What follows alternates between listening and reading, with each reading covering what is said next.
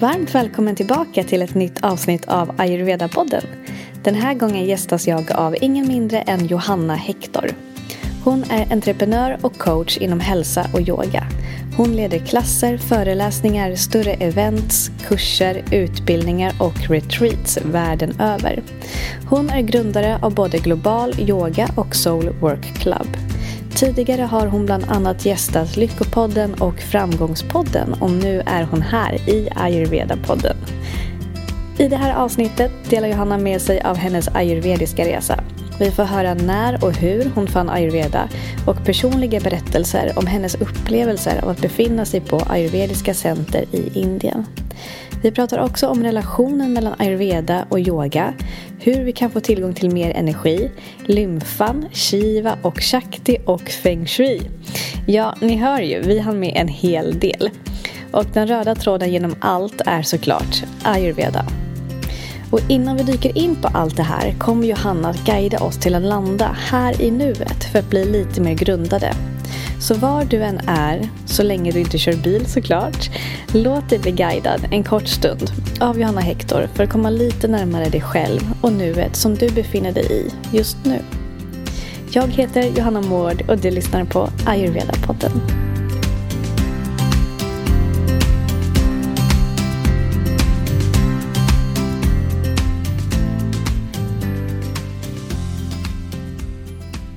Nu har jag tryckt på räck, men jag tänker innan vi börjar. Mm. Uh, vill inte du bara du guida oss att typ bara landa lite här i rummet? Jag tänker du som har sån erfarenhet ja. av det. Jag känner att jag behöver lite det själv. Det är, ja. så här, det är mycket vata ute, det är blåsigt idag, lite flängt lite. Och jag har rest. Ja, mm. exakt. Mm. Så. så jag lämnar över ordet till dig någon minut, mm. två, tre så får... Mm. Ja. Jag tycker alltid det är skönt att blunda kalla hem sinnena till mig själv. Så jag börjar med känsel. Lägger märke till mina fötter, ben, underlaget. Vilka delar av kroppen som är buren. Att det alltid finns den aspekten. Att det alltid finns någon som bär. Att vi alltid kan luta oss mot den stora kroppen av Moder Jord. Och låter tungan börja breda ut sig i munnen och låter salivet börja strömma. Kanske tänker på någon syrlig frukt. Smaka smakerna i munnen och Bjuder in andetaget att ta lite mer plats i kroppen. Både ner och upp. Och jag låter utandningen vara extra lång. Så ett, två andetag med extra lång utandning. Nästan lite forcerad utandning.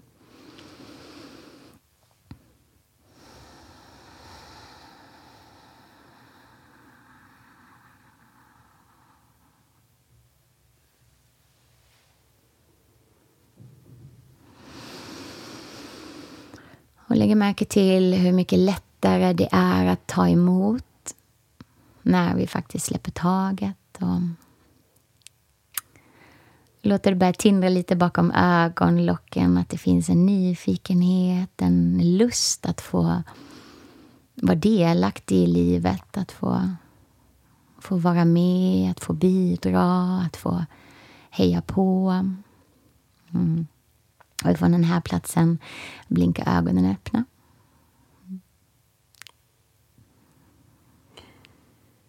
Åh, så skönt. Mm. Mm. Oh. Känner att det där behöver jag göra flera gånger om dagen just nu. Mm. Ja. Mm. Mycket mm. vata. Mm. Exakt. Mm. Ja. Och jag som också har en liten ettåring, det här med regelbundenhet. Det vet ju du också, ja. som har tre barn och har din yngsta är två. Mm. Um, ja, verkligen. Det här med regelbundenheterna kan sätta en lite ur spel när man har mycket vata i sin grundkonstitution från början också. Mm. Ja. Vad har du med sig din grundkonstitution? Grundkonstitu ja. Konstitution? Ja. ja. Eh, pitta. Ja, det är så. Mm. Ja. Säger du och ler och bara ögonen där fire på en gång. Ja.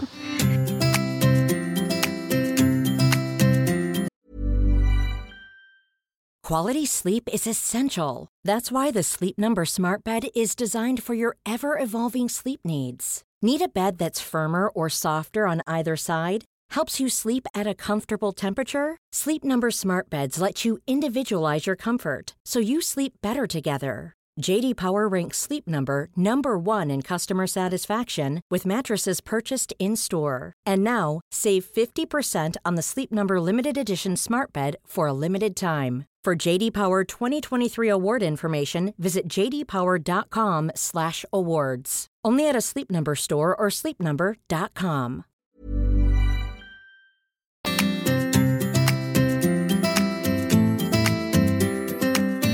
Men hej och välkommen Johanna.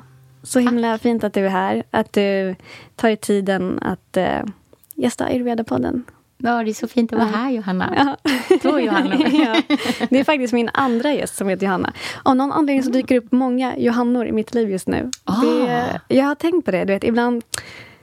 Det är lite kul att leka leken att allting har en mening. Mm. Um, ja, bara en reflektion. Mm. Inte för det kanske är så... Jag vet inte vad det säger här egentligen, men du vet, ibland dyker det bara upp lite ja, tecken. Ja, varför inte? Absolut. Mm. Ja. Jag tänker att vi dyker rätt in i ämnet ayurveda. Mm. Och jag vill börja med att fråga dig, vad betyder ayurveda för dig? Um, för mig är det att leva i takt med mig själv. Mm.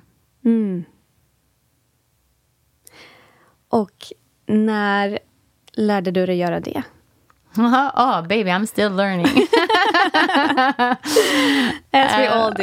uh, varje dag, varje dag. Uh, men... Mm. Kanske frågan är, okej, okay, så ayurveda för dig är att lära dig leva i takt med dig själv.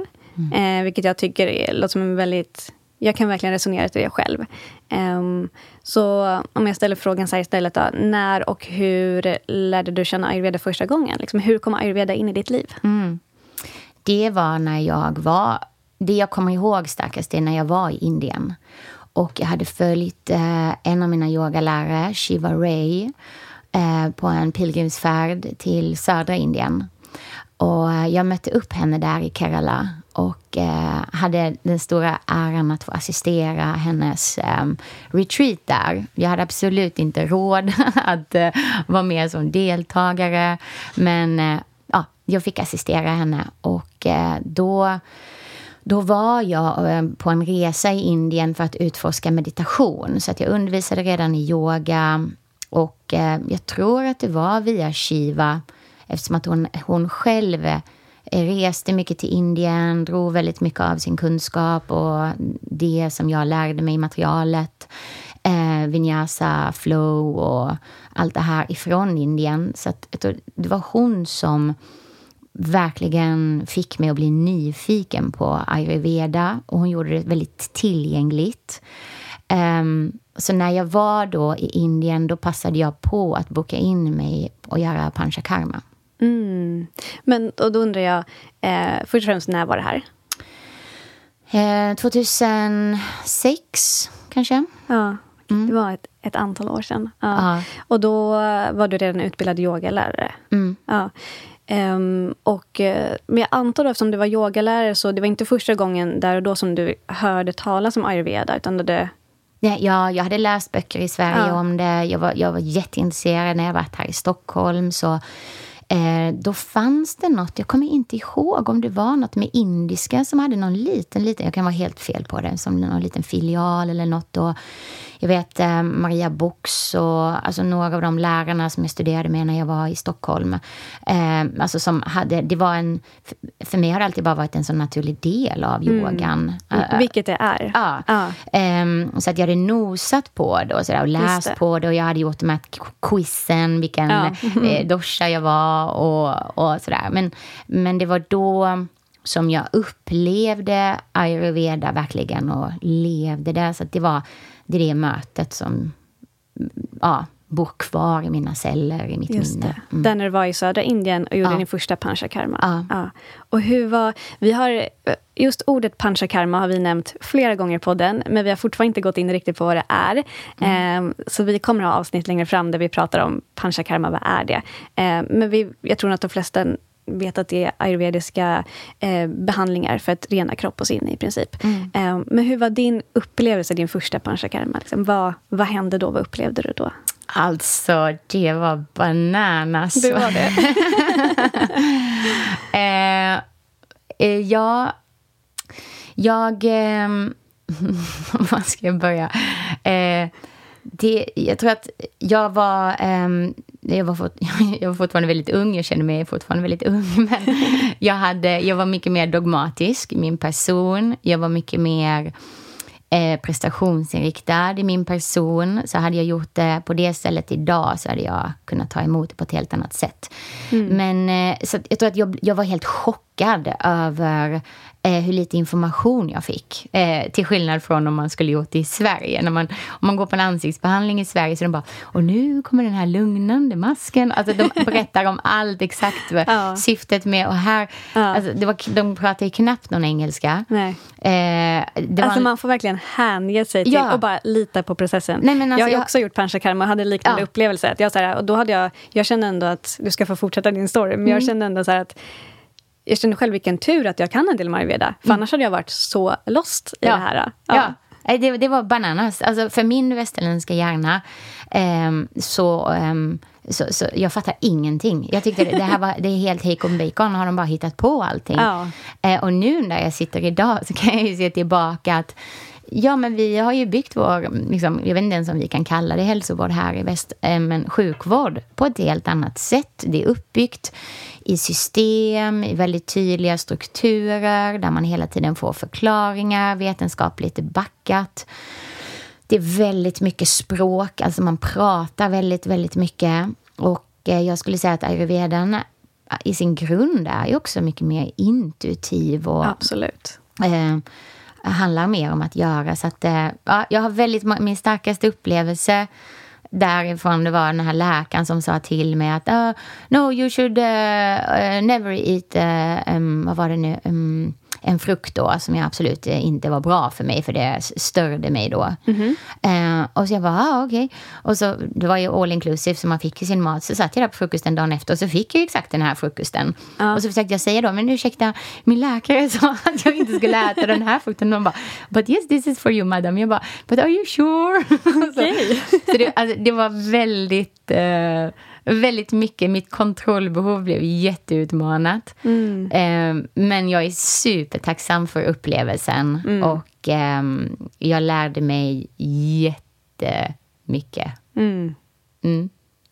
Jag Wow. satt helt naken med det här, eh, en, en örtinpackning på huvudet, vet, för att dämpa min vata. Ja. Så får man de här örterna som är, ser ut som man, man tagit kodingar typ och med, satt på huvudet. Och så drog Som de, en lerinpackning. som en typ. lerinpackning. Ja. Eh, och så fick jag bananblad runt då. Ja.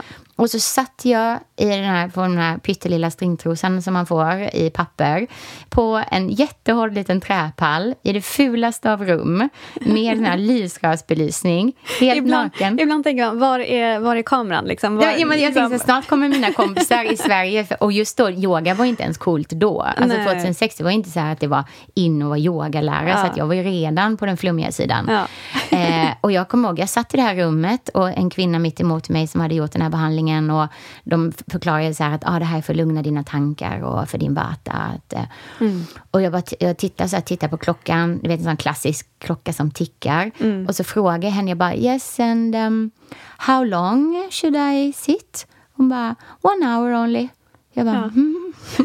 och då man, man hade inga telefoner man kunde scrolla. Jag kommer ihåg, jag bara satt rakt upp och ner mitt emot den här kvinnan. Ingen av oss kunde inte prata med varandra. Och jag kunde känna, hmm, nej men jag har aldrig varit så stressad i mitt liv som just nu. Ja, stackars lilla Johanna. Det var jätteroligt. Ja, wow. Mm. Kunde du... Efter, var det 14 dagar eller? eh, nej, fyra veckor. Fyra veckor? Okej, Mm. wow. Kände du efteråt, upplevde du någon skillnad? Mm, nej, jag gjorde faktiskt inte det. eh, ska jag villigt erkänna. Men jag skyller inte panchakarman på det. Utan eh, jag skulle säga att det var en kulturkrock. Mm. Mm, mm. Som gjorde att jag... Eh, nej men du vet, lite som med placeboeffekt och så. Mm. Att jag, jag kunde inte ta emot mm. behandlingarna. Mm. Det var några, den här underbara när man får massage med fyra händer och mm. olja. Mm. Det tyckte jag var underbart. Mm. Men, men eh, jag, nej, jag hade så många andra issues, alltså verkligen, som jag behövde ta, ta tag i. Och eh, panchakarma var inte... Hade jag gjort den idag hade jag kunnat ta emot den. Har du gjort om panchakarma någon gång sedan dess? Inte i det formatet. Nej. nej.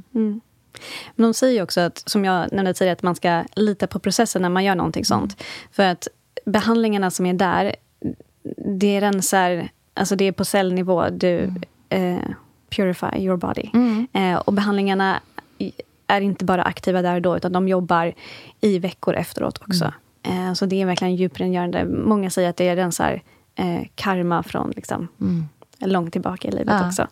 Um, ja. Men det var ändå en upplevelse som har fastnat hos dig? Ja, liksom. verkligen. Ja. Och alltså, supergivande, fast ja. på många andra plan. Alltså, jag tror nog mer att jag kom dit och hade bilden av att jag vill göra en sån här snygg cleanse mm. som man ser Lite i Hollywood. Jag menar att de bara kommer tillbaka och, och all, bara superglowigt hår, skitsnygg hy, uh, i sitt livs bästa form. Alltså en sån typ. Och jag tror många än idag alltså, tror det om mm. Panchakarma, att det handlar om det. Mm. Men jag tror mer att det handlar om precis det du nyss sa mycket, mycket djupare processer. Um, så att um, det handlade nog mer om det, vad jag, mina förväntningar var.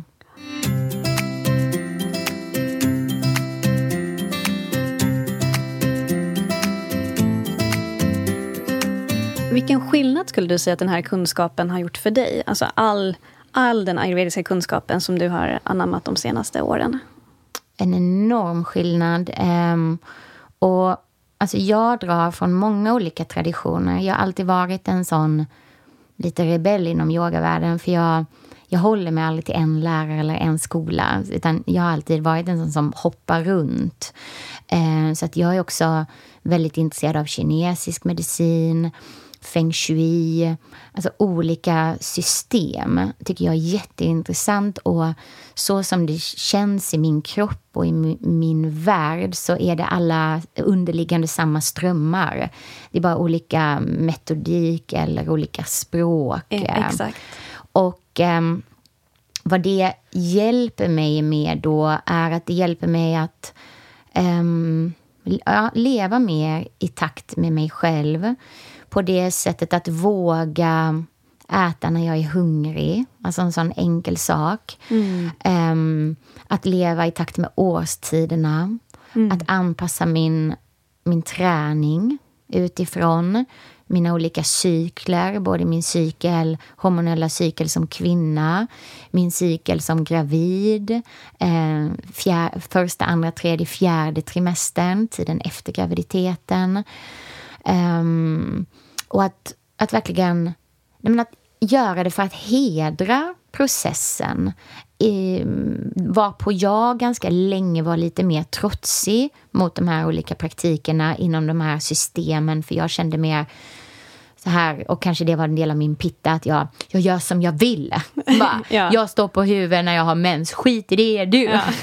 Eh, och den här rebellen, liksom, du ska inte komma här och säga till mig mm. eh, vad jag ska göra. Eh, men idag har den delen av mig lugnat sig och jag kan mer uppleva det utifrån att det är ett privilegie att ha tillgång till de här olika redskapen som idag är ju ritualer i mitt liv. Mm. Alltså så som jag um, som bidrar till att jag har så mycket livskraft som jag har. Mm. Och att jag kan eh, använda den som en resurs. Ja. Alltså jag blir väldigt, väldigt sällan trött. Mm. Eh, jag tar väldigt, väldigt sällan slut. Och det skulle jag säga är en jättestor del till ayurvedan, yogan. Eh, att jag har lärt mig att använda dem disciplinerat. Mm. Ja, wow. Jag tänker på det du sa där med att du tidigare kunde bli lite rebellisk mot det här. Men vi har också nämnt det tidigare att vi ser inte ayurveda som... Det finns liksom inget direkt måste när ayurveda. Eh, och många kan ibland uppleva många kan ibland, ja.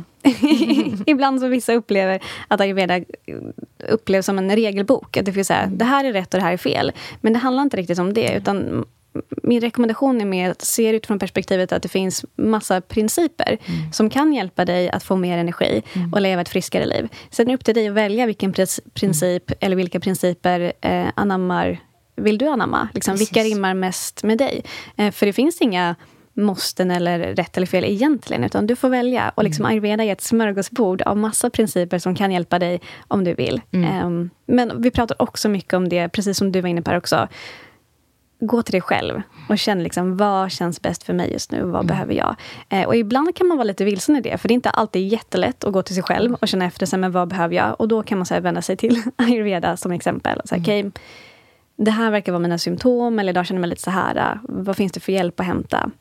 Precis. Vad finns det för hjälp att hämta här? Varför hamnar jag alltid här? Alltså mm. Om man hittar en cykel hos sig själv. Nu blir mm. det, det blir alltid så här. för att eh, det, Så är det väldigt ofta. Alltså De flesta människor upprepar bara sina och hamnar i samma cykel. Och så, och så är de förvånade över varför det blir ju så här. Som att det här händer alltid mig. Mm.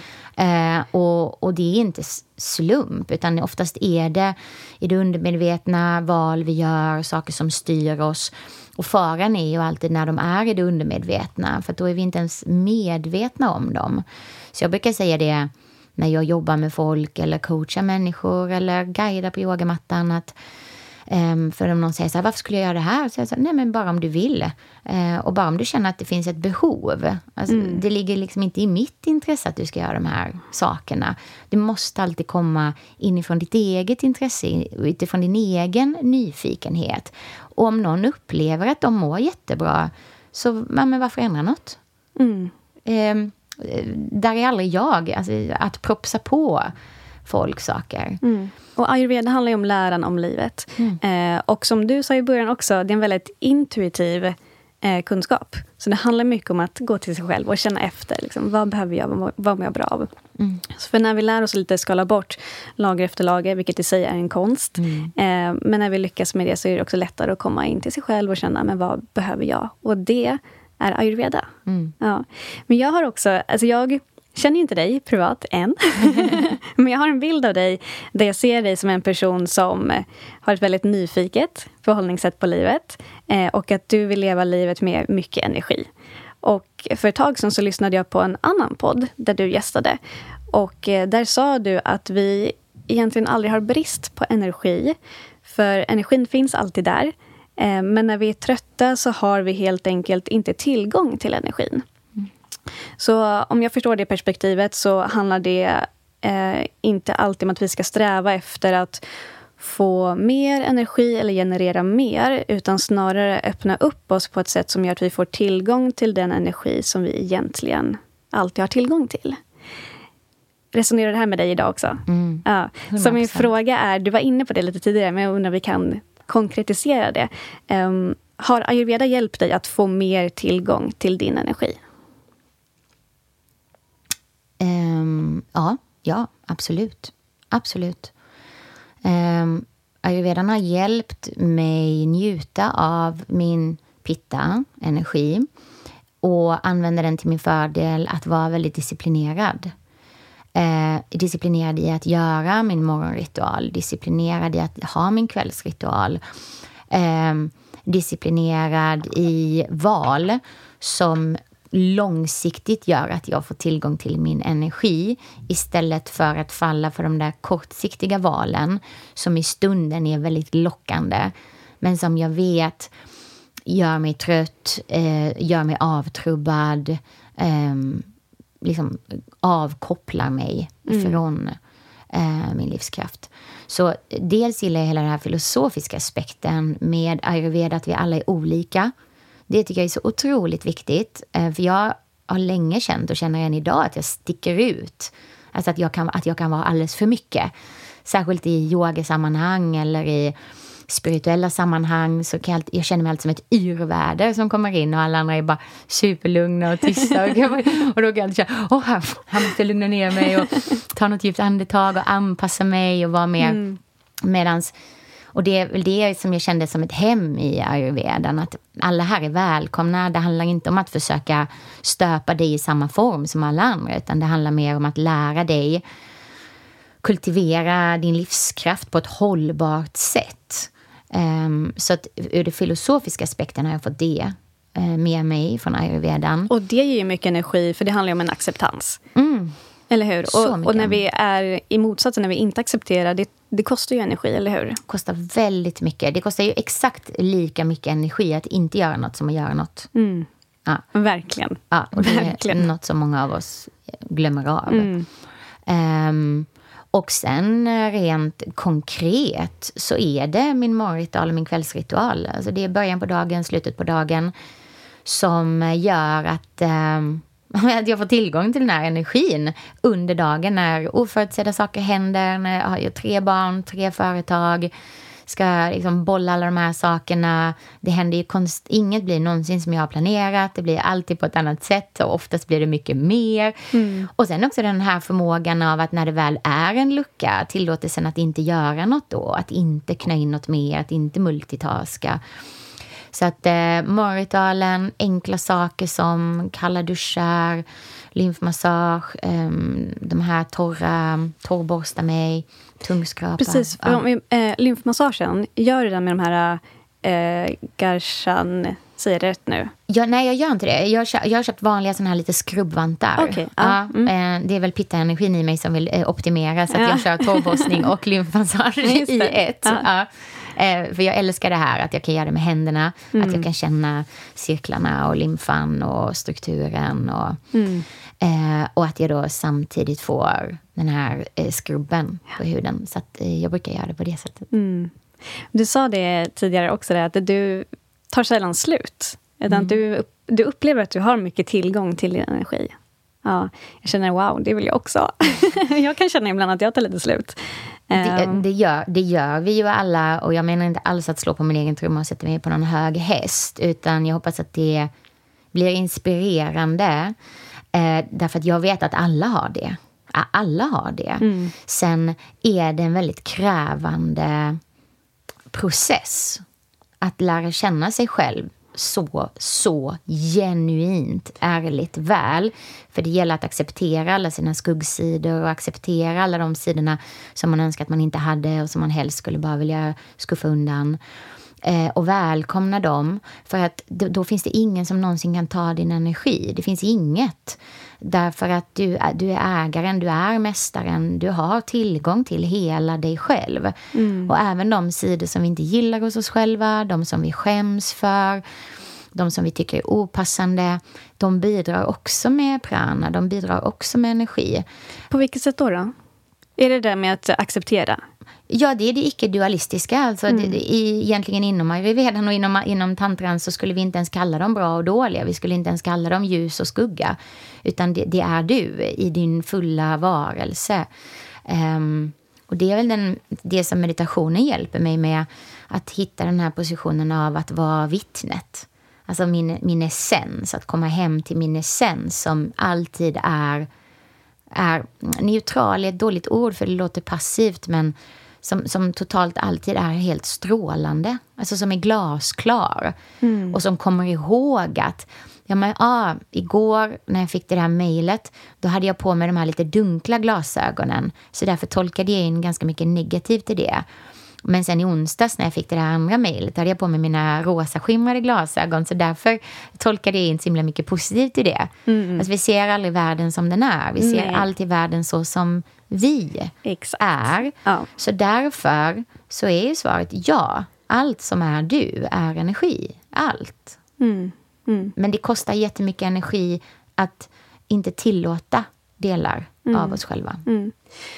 Jag kan absolut säga det att, att tillåta allt som är en själv, att det är en energitillgång.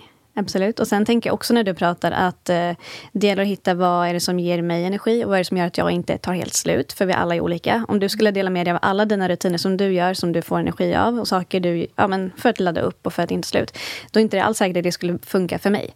Eh, för jag har mer vatten än vad du har och andra har mer kaffe än vad du har och så vidare. Alla är ju unika. Mm. Men ändå, om vi ska journalisera lite grann. Finns det några så här, um, finns det några rutiner eller förhållningssätt eller någonting som du skulle kunna dela med oss som det här tror jag kan bidra till de flesta om man vill få mer tillgång till sin energi?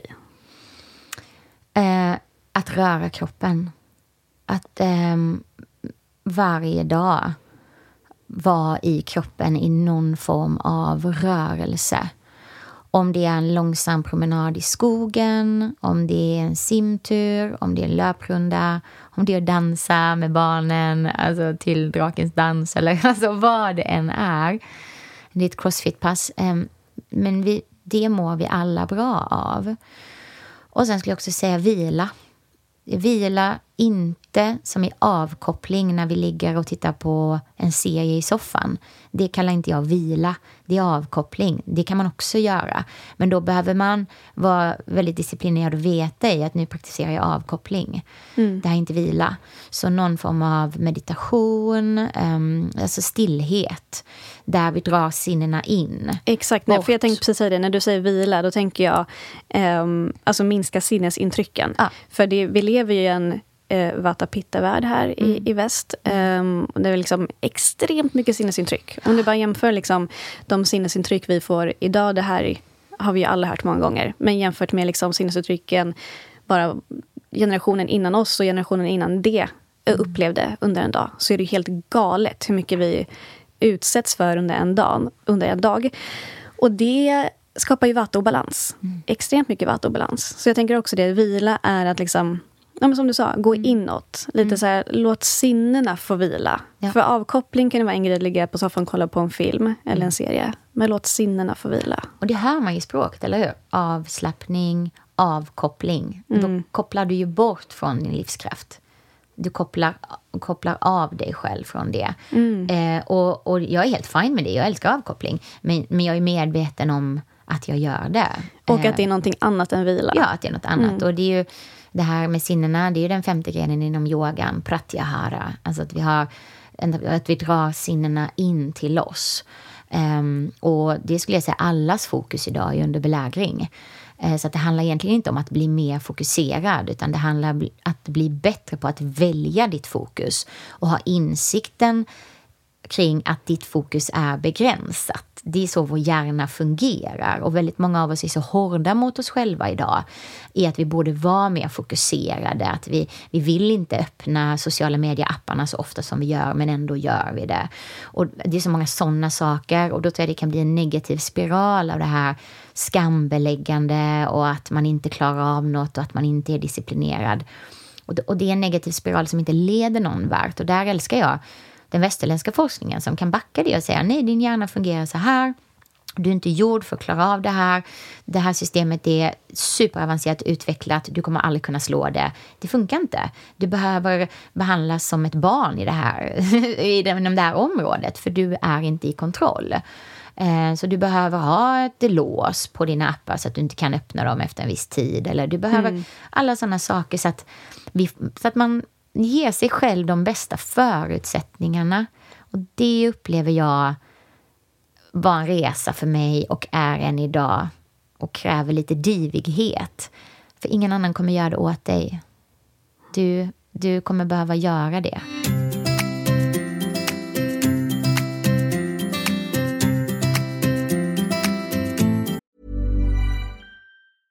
Cool fact a crocodile can't stick out its tongue. Also, you can get health insurance for a month or just under a year in some states. United Healthcare short term insurance plans, underwritten by Golden Rule Insurance Company, offer flexible, budget friendly coverage for you. Learn more at uh1.com. Hold up. What was that? Boring. No flavor. That was as bad as those leftovers you ate all week. Kiki Palmer here, and it's time to say hello to something fresh and guilt free. Hello, Fresh. Jazz up dinner with pecan crusted chicken or garlic butter shrimp scampi. Now that's music to my mouth. Hello? Fresh. Let's get this dinner party started. Discover all the delicious possibilities at HelloFresh.com.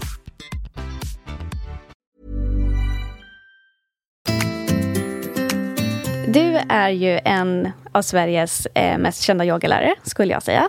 Eh, och du har gjort väldigt mycket både i Sverige och i Norden för att sprida den här kunskapen vidare. Eh, bland annat med Global Yoga. Säger du global yoga eller global yoga? Global yoga. Global yoga. eh, och att yoga och ayurveda går hand i hand, det har vi pratat lite grann om i podden, men faktiskt inte så mycket. Så jag undrar nu om du vill dela ditt perspektiv på relationen mellan ayurveda och yoga? Ja, åh vilken härlig fråga. Um, I grundutbildningen i global yoga så är ayurveda en del. Um, det är bara ett kapitel, så det är en väldigt liten del. Men det är, väldigt... är det du som håller i det då? Ja. ja. Eh, eller vi, vi, har ett team på tio lärare inom global yoga mm. som håller grundutbildningen. Är det, eh, jag frågar igen, mm. är det onlinekurser eller är det ses ner på plats? Eh, både och. Mm. Men om man vill utbilda sig till yogalärare så är det fysiskt på plats. Mm. Och sen så kan man eh, göra, vi har kurser som är online där man kan liksom nosa på ämnen. Mm. Men om man vill utbilda sig för att man själv vill utbilda andra, då är det en fysisk eh, utbildning mm. över, som man själv skräddarsyr. Men i grundutbildningen så är ayurvedan ett kapitel av 15 kapitel ungefär. Eh, också feng shui är, är en del av utbildningen. Eh, och just... det, nu måste jag bara fråga igen. Mm. Eh, sagt, jag vet att yoga och ayurveda har en, en nära relation till varandra. Mm. Men yoga och feng shui, Mm. Har det, är det en lika nära relation eller är det någonting du har vägt in för att du tycker att det passar? Eller, för jag har inte riktigt hört yoga och feng shui tillsammans tidigare. Men vad, finns det en naturlig koppling där också? Ja, för oss i global yoga är det ett jätteviktigt element. Men det handlar mer ur Um, som man säger, det kommer in um, I strukturen i utbildningen så kommer det in under pedagogik. Därför att det är väldigt viktigt, som nu när vi satt oss i det här rummet. Alltså var känner man sig trygg? Var är powerpositionen? Uh, och när man ska leda en yogaklass så är det jätteviktigt att våra lärare som är utbildade vet var är den säkraste positionen energimässigt i salen att stå. Hur ska de arrangera mattan? Plattorna, hur, vilket ljus ska de ha beroende på om det är en morgonklass eller en kvällsklass, beroende på om de vill öka energin hos deltagarna eller grunda dem, eh, temperatur, när ska de jobba med speglar och när ska de inte jobba med speglar, vilka färger finns i salen, vilka dofter har de tillgång till. Wow, jag tänk, när, du har, när du säger det här så tänker jag bara på de två ayurvediska mantranen. Allting påverkar mm. och det beror på. Ja, ja. exakt så. Ja, vad bra. Det är ja. exakt så. Och eh, det är så viktigt att eh, när vi eh, certifierar och utbildar yogalärare att de får med sig förståelsen för varför detta påverkar. För det är precis som du säger med feng shui då till exempel, att det påverkar alla. Men det är väldigt få som är medvetna om hur de blir påverkade och hur de då kan skapa en, en trygghet i yogasalen och använda miljön till sin fördel för att få yogalärarna, eh, för att få deltagarna att känna sig mer avslappnade. Så att det, det är en jätteviktig del i när, när vi undervisar eh, yogaklasser. Eh, från dess att deltagarna kommer in i salen tills dess att de går ut. Att vi har tänkt på allt och att vi har en förståelse för hur det här påverkar. Och det här är ju som du hör, det här går ju precis lika nära in hand i hand med ayurvedan. Det är samma sak där och ayurvedan är en viktig del i eh, global yogautbildningen just för att få en förståelse för under vilka årstider passar det att praktisera vilka praktiker? Och beroende på vem du har framför dig, vilken ålder de är i, i vilken liksom, dosha som är mest aktiv. Är det ungdomar? Är det liksom, människor i sin prime pitta-period? Eller är det vata? Så eh, börjar vi klassen lite annorlunda just för att möta den energin. Och det är det, därför vi kallar det för yoga för 2000-talets människa. Därför att det handlar väldigt mycket om att möta människan. Det handlar aldrig om att så här gör vi global yoga, så här gör vi alltid. Det är en setkoreografi, det är ett strikt system.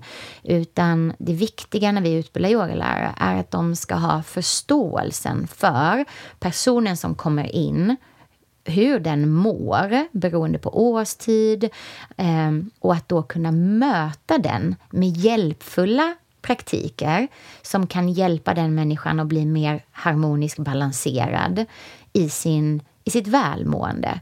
Istället för att säga till alla att vi börjar alltid sitta, still, sitta tyst eller vi börjar alltid med solhälsning A i ett högt tempo och sen är det alltid lugnt på slutet.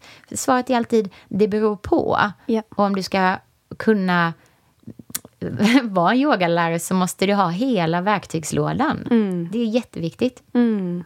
Ja, verkligen så fint. Det handlar om att kunna vara dynamisk och flexibel i det och, och inlyssnande och inkännande. Ja, och förståelse för att det här är energi vi jobbar med. Yoga handlar väldigt, väldigt lite om rörlighet. Alltså det är en minimal bit. Det handlar eh, om välmående och att reglera energi. Det är som att gå in på apoteket och du har hosta. Och de säger att du behöver hostmedicin. Och de frågar, men har du torrhosta eller slemhosta? Alltså det, om inte du vet så kan du inte få rätt medicin. Eh, och det upplever jag att och därför vet jag att jag kommer att yoga hela mitt liv. Jag känner mig aldrig, jag har aldrig prestation inom yogan. Aldrig någonsin. För att jag känner att där finns alltid något där att möta mig. De dagar jag behöver ladda mina batterier så finns det de praktikerna. De dagar jag behöver bli mer glasklar, då finns det de praktikerna. Alltså det, det finns så otroligt många tillåtande praktiker som möter mig. Så jag har aldrig någonsin känt mig fel. Eh, alltså i, i, i essensen av yogan. Mm, fantastiskt, ja. Mm. Men så du skulle säga att relationen mellan yoga och ayurveda handlar mycket om att eh, kunna förstå eh, lite på vilket sätt och hur man kan använda just asanas för att liksom, främja eh, sitt välmående här och nu. Ja, asanas, pranayama, kriyas. ehm, precis. Och, och sen de gångerna man har lyxen att ha en PT-yoga, då kan man ju gå in eh, och om den personen har varit hos en ayurvedisk läkare till exempel, då kan ju de globala yogalärarna skräddarsy praktiken ännu mer. Just det. Sen är det ju, blir ju att man absolut För då är det som att man kommer till någon med ett recept. Ja, lite precis. Så här, säger jag så här, det här är min diagnos. Ja. Eh, och då kan vi säga så här, aha, vad bra. Men då vet vi att eh, du har lite för mycket vata eh, och du har en tendens till en aktivitet i din pitta. Okej, men bra, men då gör vi de här praktikerna.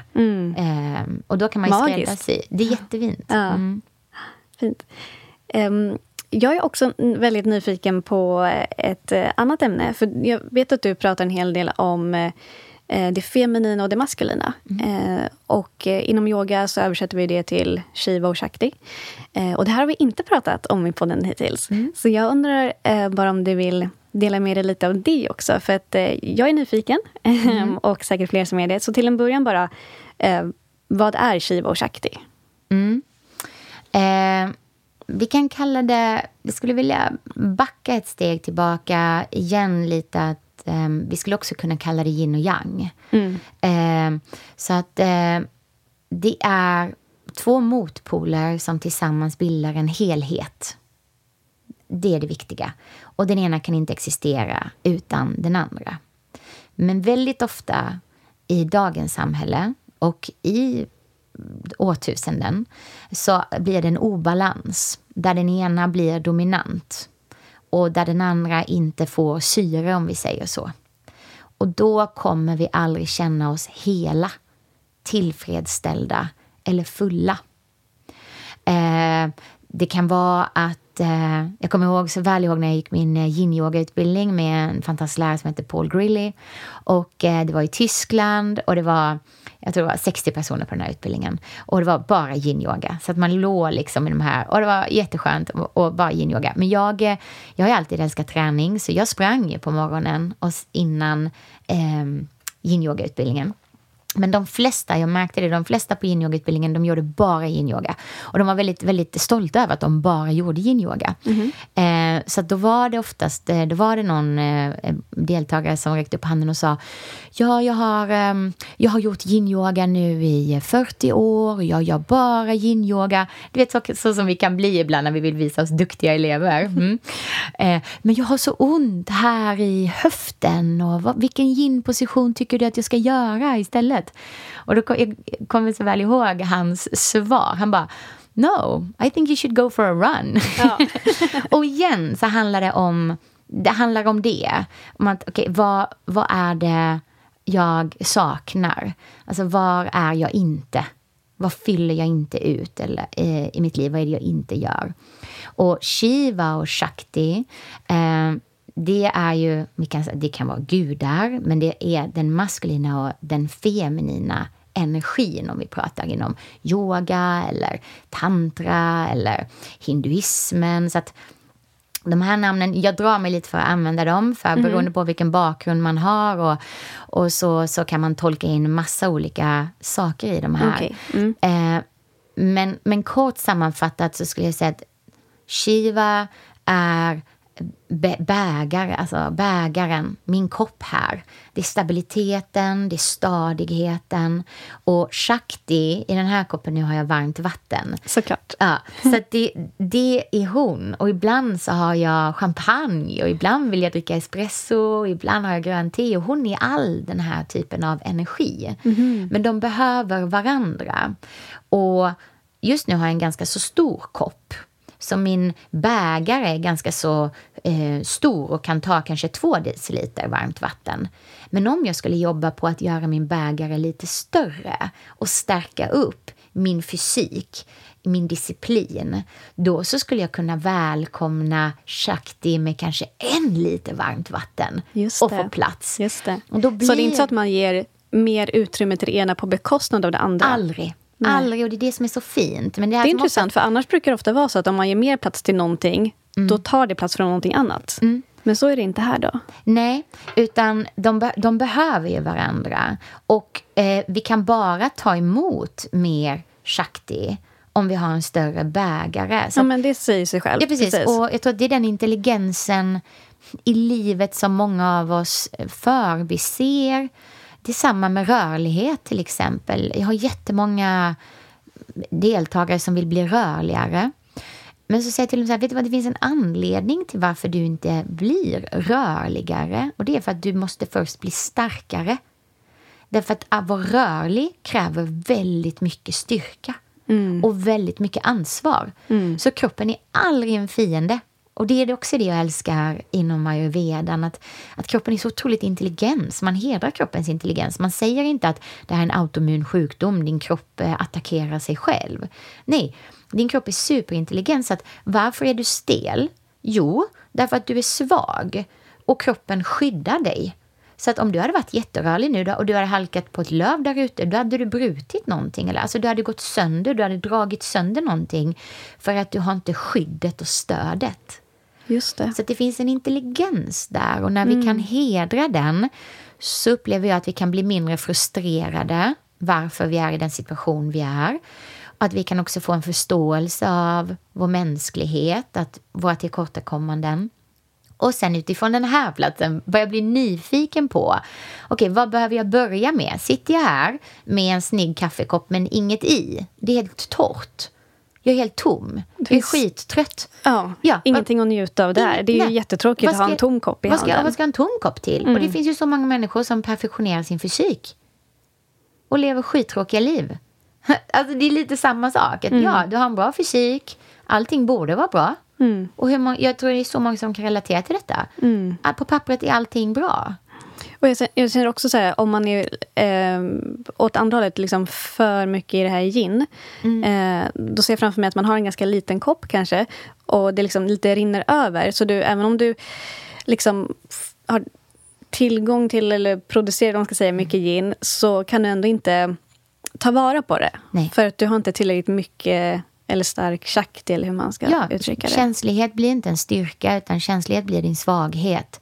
Och ofta upplever man när man är i den situationen att allt och alla är emot en. Att allting är ett hot och att en känslighet är en svaghet. Mm. Eh, och det kan man alltså uppleva om man behöver man, om man behöver mer shakti, uttrycka det på ett... Man beh då behöver man mer shiva. Alltså du behöver ja, mer, det det. mer ja, eller du behöver mer yang. Ja. Alltså du behöver mer stadighet. Du behöver känna så här, här är mina fötter. Du behöver göra mer knäböj. Du behöver göra styrketräna dina ben. Du behöver jobba mer med ditt första och andra chakra och få igång det. Mm. Och då kan vi säga love and light. Ja. Genuint. Igen, för att det är någon som bär. Eh, men annars blir den love and light peace, kärlek till alla. Det blir ett luftslott. Mm. Man hör, jag hör det direkt när någon säger så, eller, eller den här byline på ett mail. Bara kärlek. Det är så här, vad är du för en psykopat? Alltså, jag känner inga människor som skickar bara kärlek. Nej, men det, det blir så här orimligt. Ja. Och igen, ayurvedan, yogan. Det är så tydligt. Det är att allting bygger på allting. Exakt, det är det jag hör här också. Ja. Alltså, allting hör ihop, allting påverkar, allting bidrar till varandra. Ja. Och balans det finns så många aspekter av balans. Ja, jag älskar att säga dans. Istället dans är för mig balans. Dans kan, istället för balans? balans. Alltså, ibland, kan, ibland kan balans bli som att om jag bara uppnår balans Mm. så skulle det på något sätt bli klart då. Men jag gillar istället den här, jag brukar undervisa när jag undervisar trädets position, vrikshasana, i, Mm. i, eh, och folk står där och vinglar och man ser hur munnarna blir mindre och mindre och mindre och Mm. käkarna blå och bara, folk biter upp sig. Jag brukar säga så här, ehm, ibland blåser det lite i skogen och de träd som dansar med, det är de som kommer stå när stormen har dragit förbi. De andra kommer vara brutna. Så det handlar mer om en dans och att allt som är vid liv är i rörelse. Så du kommer vara i balans när du är död. Då, för då kommer det inte vara någon inandning efter din utandning. Ja, jag gillar det. Och det, det jag tänker på när du säger det här, det är ju så att... Alltså, för vi pratar en hel del på dem om att man ska uppnå balans. Men alltså, balans är egentligen det här... Alltså, he- helt perfekta tillstånden som kanske egentligen inte ens är möjligt att uppnå medan vi lever. För att återigen, allting påverkar. Och att vara helt i balans i den värld vi lever i idag, i princip omöjligt. Ja. Men vi kan kanske sträva efter det som en målbild för att vilja um, men främja vårt välmående. Men jag gillar det du säger också. Att inte se det som att, liksom, att balans är en fast punkt och det är dit vi måste nå, annars kommer vi inte må bra. Utan mer se det som att man kan dansa sig fram i livet och vara liksom ja, men, hitta balans genom att svaja lite på ett sätt. Att, liksom, att röra sig, återigen, att vara dynamisk med livets alla rytmer. Och, Ja, det är en konstruktiv tillåtelse. Det, det är att ha disciplinen att välja det som långsiktigt ger dig energi. Istället för det som kortsiktigt ger dig energi. tycker du att den är lätt eller svår? Svår. Svår. Men, eh, och det är därför den vuxna Johanna behöver resa sig upp och, och göra det valet. Och hur går den eh, inre dialogen, tänkte jag säga? Alltså när du Det- står ja, där det- och det- väljer mellan så här, okej, men kortsiktigt det här ger mig energi eller ska jag välja det som långsiktigt ger mig energi? Mm. Jag kan tänka mig att där också finns det en dans. Att vissa dagar väljer vi det som kortsiktigt ger oss energi för det är det vi har tillgång till Mm. där och då. Och andra dagar så kan vi ju tänka mer långsiktigt. Mm. Det, det går till så här, så här åh, jag vill äta ur Nutella-burken nu. Och så säger eh, vuxna Johanna, nej det är en dålig idé, du kommer må dåligt. Och så säger barnet så här, jag är värd det här, jag har jobbat jättehårt den senaste tiden och jag har ätit jättenyttigt, jag är värd det här. Och, och då kan vittnet i mig, den platsen som jag pratade om tidigare, den kan observera den här kampen. Och, och se att, ah okej, vad är det mest kärleksfulla valet i detta nu? Och så kan jag hedra både den lilla Johanna, den här lite barnsligare, som känner att hon har gjort uppoffringar och borde vara värd det här nu. Och sen den vuxna som vill göra rätt och vill leva ett hälsosamt liv. Och, och så från den här vittnesplatsen så kan jag väldigt ofta då mer göra ett val som är skamfritt. Och vissa gånger är det att äta ur Nutella-burken. Men då ser jag verkligen till att verkligen njuta av det. Ut med noll skam. Då står jag äter den, jag gömmer mig inte, jag visar det för alla.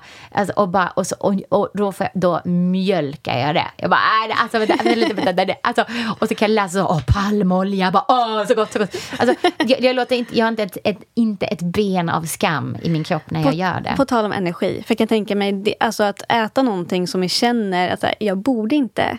Det blir en energiskuld på en gång också. Mm. Precis. Ja. precis. Och där, där och då så då, kan jag, då får jag ju en energi av att jag gjorde det. För att det, där är ingen skam kvar kring att Mm. det skulle vara det sämre valet. Vi har också pratat en del om det här med att vad du äter är såklart viktigt, men hur du äter Ah. är också viktigt. Och Det var någonting jag lärde mig när jag började utbilda mig inom ayurveda. Att så här, just det, hur man äter, minst lika viktigt. Ja. Det är en jätteviktig del som vi jobbar med i Soul Work Club. Det är mitt andra bolag. Ehm, och det är ju en, ehm, en, eh, en träningsklubb online, men en klubb för återhämtning och välmående. Och där är fyra ben i den. Så det är workout, det är ju då energifylld träningspass. Sen är work-in, det är vila, återhämtning, meditation, andningsövningar. Sen är det soul surfing, det är det här vi pratar om nu, den här förmågan av att reflektera, fråga sig själv vad behöver jag, vad vill jag? Och sen är det sista ben- benet eh, soul food. Mm. Och soulfood handlar väldigt mycket om mindful eating. Inte så mycket om vad du äter. Där är recept och så också. Men framförallt hur du äter. Och det har jag fått med mig så mycket från ayurvedan. Det här att när jag har mat framför mig, att jag börjar titta på den, se färgerna, jag eh, doftar den så att det börjar vattnas i munnen och att jag äter när jag har saliv. Så att jag verkligen ser till att jag har igång den salivproduktionen. Och sen att jag skickar en tanke av tacksamhet. Och det behöver inte vara mycket, utan det är bara tack till den som serverade eller var maten kom ifrån eller vad den må vara. Tack så mycket. Och sen när jag äter, att jag verkligen tuggar och liksom gör ljud. Och, och jag, jag älskar att låta mina barn äta med händerna. För mm. jag tycker det är så viktigt att äta med händerna. Och, eh, tycker, och varför är det viktigt då? Det, det är sin, sinnligheten och det triggar ju igång. Alltså matsmältningen börjar ju långt innan vi stoppar i det första liksom in i munnen. Så att, att äta med alla sinnena. Och det boostar ju matsmältningselden i sig. Så att när maten väl kommer ner så är vi förberedda, kroppen är primad. Absolut. förhoppningsvis i det parasympatiska nervsystemet så att mm. allt det är aktiverat. För oss hemma är det jätteviktigt att vi äter alltid middag tillsammans. Vi äter samma mat. Man får bygga ofta sin egen liksom, måltid och att man sitter kvar en stund efteråt så att det just är processen får ske. Och vi ber alltid så här, ja, men vem vill säga tacksam idag? Ja, så kanske tvååringen säger något roligt. Alltså så här, att, det, att det är så mycket mer. Jag älskar det här uttrycket av att men vi är inte maten vi äter, vi är näringen vi tar upp. Mm. Mm. Och det är för mig... Men det blev verkligen en nyckel när jag fick eh, vitiligo eh, för flera år sedan. Som är en hud... Eh... hudsjukdom. Just det. Ja. Och då dök jag djupt in i näring och mat och alla de här mm. sakerna. Mm. Eh, och då visade det sig att jag var ganska off i min tarmflora. Jag hade varit vegan ganska länge, mm. som hade varit en bidragande faktor. Mycket annat. Men... Jag vill bara säga det att det du har pratat om de senaste tre minuterna. Det har varit en recap på våra senaste fem avsnitt. Nej! Jo. Oh, vad kul! jag ser fram emot att lyssna på dem. ja, för vi gjorde en, en eh, liten mat och medicinserie. Mm. Vi har pratat om Agni och Ama, om Prana, Tedjas och Odjas. vi har pratat oh. om de sex smakerna. Ja. Och um, vi har pratat om eh, just uh, de fem elementen och liksom livsmedel mm. och årstider och dygnsrytm. Mm. Och det är bara som att du har inte lyssnat på de avsnitten men du bara wrappar upp allt det. Är det sant? Vad kul! Jättekul. Men jag tycker det är så det är så viktigt. Och jag, när du bjöd in mig till den här podden, jag kände åh, ayurveda, det var länge sedan jag pratade. Jag pratar väldigt sällan i termerna av ayurveda idag. Men teknikerna och praktikerna, det är med mig. Alltså i allt som jag undervisar så, så sipprar det igenom. Och, jag, och att jag har ofta människor framför mig som jag har bara en kort stund med. Så jag hinner inte ge dem den ayurvediska filosofin. Jag kan inte den själv så bra. Jag är ingen lärare inom ayurveda. Men att jag älskar att få förmedla de här verktygen och små sakerna som dels får mig att må så mycket bättre men också gör mitt liv så vackert och njutbart. Eh, och att det kan vara det.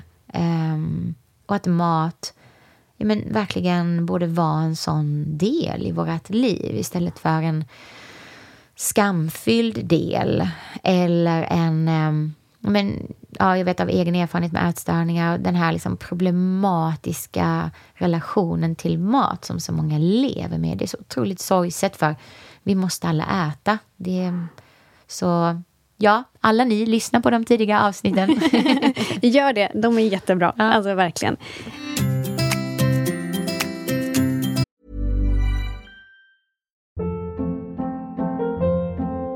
Hold up. What was that? Boring. No flavor. That was as bad as those leftovers you ate all week. Kiki Palmer here, and it's time to say hello to something fresh and guilt-free. Hello Fresh. Jazz up dinner with pecan-crusted chicken or garlic butter shrimp scampi. Now that's music to my mouth. Hello Fresh. Let's get this dinner party started. Discover all the delicious possibilities at hellofresh.com.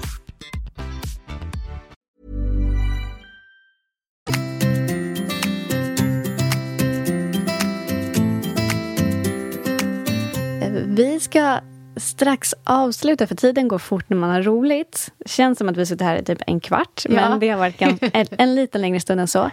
Jag vill bara fråga dig, är det någonting som du känner att du vill lägga till innan vi avslutar? Eller wrappa upp med? Eller någon tanke som har kommit upp när vi har pratat? Men jag hade tyckt det var jättekul att jag har ju varit djupt försjunken i lymfyoga de senaste tre, fyra åren och eh, på grund av att jag själv har gjort en stor operation som har påverkat lymfan och med min autoimmuna sjukdom så var det också genom lymfan som jag kunde eh, tekniker och läka mig själv. Så hur, hur ser du på lymfan ur ett ayurvediskt eh, perspektiv? Alltså jag tänker på det här med den här eh, cirkulationsmassagen, eh, bland annat, som är en ganska vanlig ayurvedisk rutin som man rekommenderar. Eh, men den är en ganska generell rekommendation. Beror lite på, är det, har du mycket vata och det är vinter, kanske inte behöver den lika mycket. Lite, det beror på, som sagt. Men det är såklart jätteviktigt för att liksom, ta hand om lymfan. Eh, sen tänker jag också att dricka kokt varmt vatten. är också ett bra sätt att ta hand om lymfan. Och det är ju typ steg ett när man börjar praktisera ayurveda, det här med varmt vatten. Däremot när jag själv har utbildat mig inom ayurveda så tycker jag inte att man pratar så mycket om i termer om lymfan. Eh, men jag kan liksom... Det finns, kunskapen finns där, men man använder inte riktigt den terminologin. Nej. Så där sitter nog du på mycket, mycket mer Vi får kunskap ta än en mig. del två sen. Ja, men men jag tycker, för, för mig var det också nu när jag skapade en uh, lymfyogakurs online och då visste jag så att jag vill ha med ayurvedan, en del av den. Så en, en del, det är en del ayurveda i den här. Då. Ja, och jag tänker om det sitter några som, lyssnare som inte riktigt har koll på vad lymfan är och liksom lymfyoga, vad, vad är det? Ja, lymfan är vårt reningssystem. Alltså vi producerar mm, cirka tre liter lymfvätska varje dag. Och i lymfvätskan har vi lymfocyter och det, det är som eh, fightar inflammation i kroppen. Så allt som har med inflammation i kroppen har direkt med lymfan att göra. Eh, man kan säga som att alltså, när man känner sig svullen, när man känner sig trög, när man känner sig trött, celluliter, glåmig hud. Allt det här är alltid kopplat till lymfan. Eh, och eh, lymfan har ingen egen pump. Så det är det som är problematiskt. Jag tror därför mycket livsstilen idag gör att vi ser mer problem med just lymfan. Eh, hjärtat eh, pumpar ju runt blodet. Men lymfan pumpas runt genom sättet vi andas på, sättet vi rör oss på och egenvård. De här teknikerna då, abayangan eller alltså allting när vi gör de här olika massagerna inom ayurvedan så jobbar vi med lymfan. Men också jättemycket det vi äter och smakerna, så bittra ämnen till exempel. Citron också, jättebra för lymfan. Men när jag gick in och dök in i ayurvedan i mina gamla läroböcker just för att tänka så här, men vi måste ha nämnt lymfan på mina ayurveda-utbildningar. För jag var lite som du, jag bara, jag kommer ihåg att det var någon massage men sen kommer jag inte ihåg så mycket mer. Men eh, så gick jag tillbaka och det var ju, alltså, det var ju en åttondel av det som jag studerade var ju då om lymfan. Men jag hade totalt inte plockat upp det. Nog för att jag knappt visste vad lymfa var. Alltså jag tror att det... Det kanske, det kanske är samma men det är sak för mig. Ja. Men i alla fall det som jag skulle vilja hinna nämna är det med rasayana. Alltså att, att praktiken med lymfan är ju rasayana. Och rasa, det vet vi ju, det är ju allt som är josigt. Alltså det här, det är lymfa. Och yana är ju vägen. Alltså att, den här, så att vägen för lymfan att flöda i kroppen och det är en av de åtta viktigaste grundpelarna när man tittar på ayurvedan. Och också nu, jag kanske har några detaljer fel, men också där man börjar. När man tittar, innan man tittar på blod och, och sådär, så tittar man just på rasayana och hur den balansen, hur det flödet är i kroppen. För att om inte det funkar, då är det inget annat heller som Men funkar. hur ser man det? Hur ser du... I lymfan? Ja, precis. Eh, om du, när du klarar av dig sen så ser du om du har märken från dina strumpor eller Ja, men dina strumpbyxor. d- Då har du ett stagnerat lymfflöde till Mm. exempel. Du märker det Precis, om man, för det har jag hört tidigare också, när du tar i strumporna, Ja. om det ser ut som att strumpan sitter kvar, om du har märken på strumpan, då är det ett tecken på att du har dåligt flöde i din lymfa. Och Ja. sen kan man ju se som Eller cellulit. att, att det kan bli bättre. Ja, att det kan bli bättre och allas lymflöde skulle jag säga kan bli bättre. Ibland Mm. är det för att vi klär oss på ett visst sätt, alltså tajta kläder, vi har en ytlig andning, eh, vi sitter stilla för mycket, vi är stela. Eh, så det är många olika saker som bidrar. Eh, Och du sa det att, att få igång lymfsystemet, eh, det gör att vi får mer, alltså, ehm, mer glow i huden. Och Ja. du, sa, du sa några olika grejer där. ja, Men jag undrar också, är det också direkt kopplat till vår upplevelse att få, att få mer tillgång till vår, vår energi? Verkligen. Verkligen. Alltså när, när lymfan fungerar, då renas ju kroppen. Så att man kan, min, jag brukar gilla det att det förklaras som eh, ett, akvarie där pumpen inte funkar. Då Just det. kommer ju vattnet att bli grumligt och grönt. Men när du ser till att du pumpar runt lymfan, då blir ju vattnet glasklart. Alltså att pumpen funkar i akvariet, då växer inte alger på glaset, då är det ett friskt vatten. Och så vill vi att lymfan ska vara, att den inte ska fastna i tät bindväv till exempel, utan att vi har ett bra flöde i kroppen.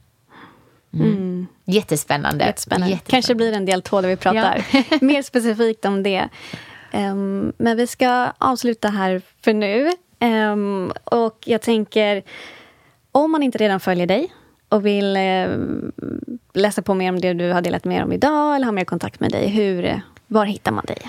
Johanna Hector på Instagram. Johannahector.com kan man läsa lite mer om mig och se min kalender och vad som händer. Globalyoga.se. Det är där vi har våra yogautbildningar och onlinekurser. Och eh, soulworkclub.com där vi jobbar med bland annat soulfood. Ja, magiskt. Det var där. Ja. Tack snälla, snälla Johanna för att du har varit här. Det har varit eh, jättefint. Betytt jättemycket att du har tagit dig tiden att komma hit. Jättefint, vilken härlig podd du har Johanna. Ja. Tack så mycket. Tack så mycket.